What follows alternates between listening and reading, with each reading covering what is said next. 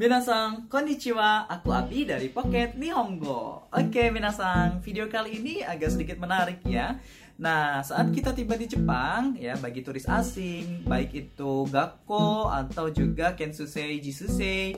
Nah, tolong diperhatikan minasang. Di Jepang banyak sekali hewan liar seperti ikan koi yang ada di selokan-selokan Jepang atau di sungai-sungai terpencil di Jepang, atau juga ada burung-burung bangau dan burung gagak ya minasang. Bahkan di sekitaran pantai tempat kamu tinggal mungkin ada beberapa kepiting-kepiting liar di sana.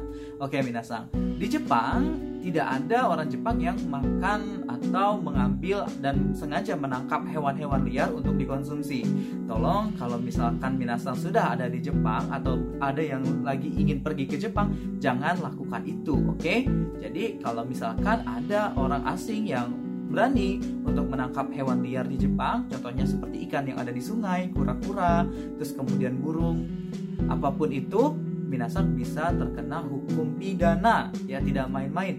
Bahkan ada beberapa kasus orang asing yang sudah mengkonsumsi hewan liar yang ada di Jepang kemudian dia dideportasi atau dipulangkan ke negaranya masing-masing nah ini cukup membahayakan Minasan jadi uh, hal ini memang tidak tertera di buku peraturan orang asing yang ada di yang harus masuk ke dalam Jepang. Cuma hal ini ada di hukum pidananya di Jepang. Oke, minasang, jangan lakukan itu dan tetap jaga kelestarian alam, jaga lingkungan kita dan tetap uh, bersifat positif terhadap lingkungan. Oke, terima kasih banyak. Semoga bermanfaat.